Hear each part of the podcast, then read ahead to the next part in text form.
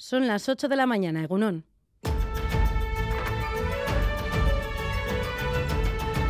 Crónica de Euskadi con Irache Martínez. El jurado ha decidido otorgar la concha de oro para la mejor película a los reyes del mundo, de Laura Mora.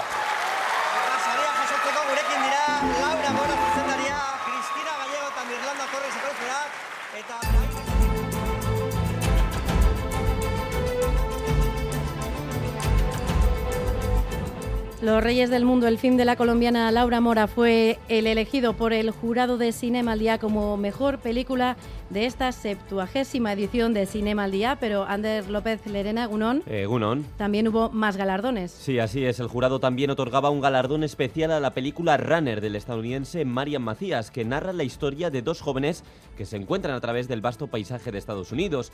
Y en el apartado interpretativo, esta vez la concha de plata fue para Paul Kirchner en Le Lycéen y Carla Quilet por La Maternal.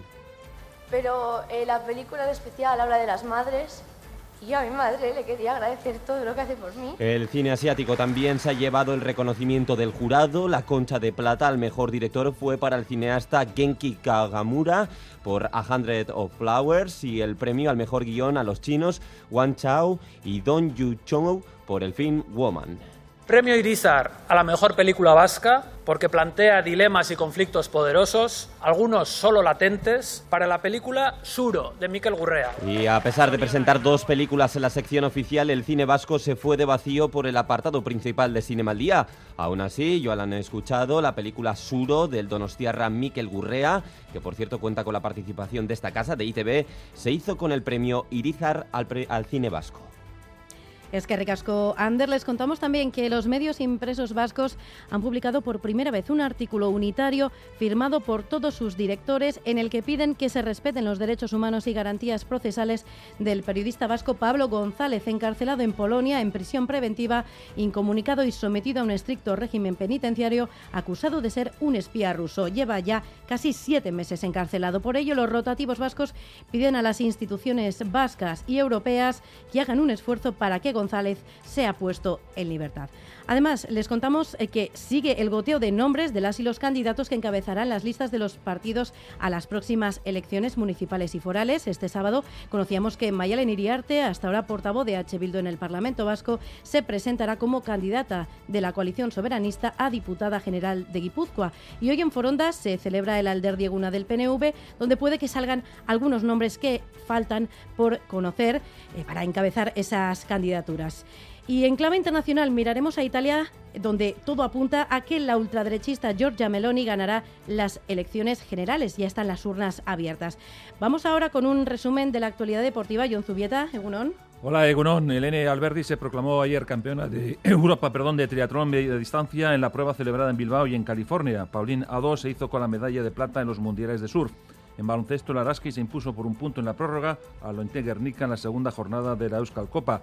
Hoy se cierra el triangular con el encuentro entre las vizcaínas y el IDK, que perdiendo por hasta siete puntos se haría con el título. En fútbol, el Eibar recibe esta tarde al Racing de Santander con la necesidad de ganar después de la derrota del pasado fin de semana ante la Andorra.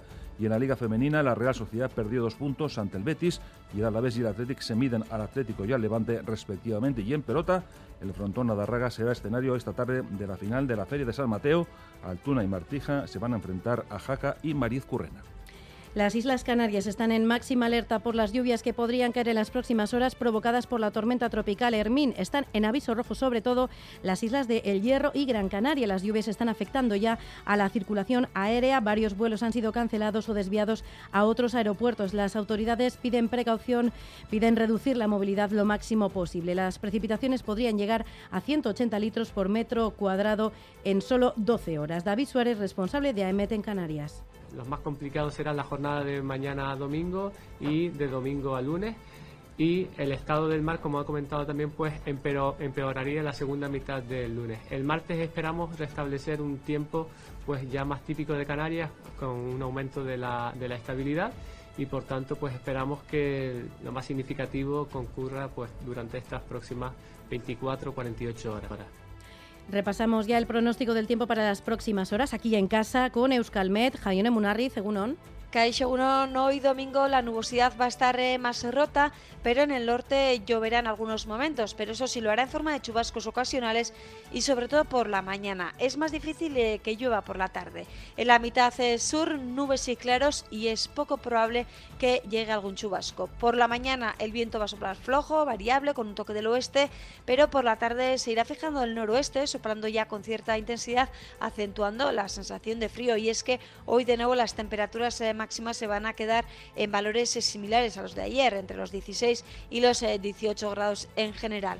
Por tanto, hoy algunos chubascos en el norte y ambiente fresco en general. En carreteras tenemos problemas hasta ahora. Xavi Segovia. Egunon, si hasta ahora hay un punto con problemas. En la Vizcaya 734, en Musquis, sentido Cantabria, se producía un accidente a las seis y media de la mañana con dos coches implicados, lo que dejaba tres personas evacuadas a centros hospitalarios. El siniestro se ha producido cerca de las instalaciones de Petronor. Las grúas están aún trabajando en el lugar, por lo que se pide mucha precaución. Recordamos, Vizcaya 734, en Musquis, sentido Cantabria. En el control técnico, Jesús Malo, Maitane Bujedo y Asier Aparicio son las 8 y 6 minutos de la mañana. Comenzamos.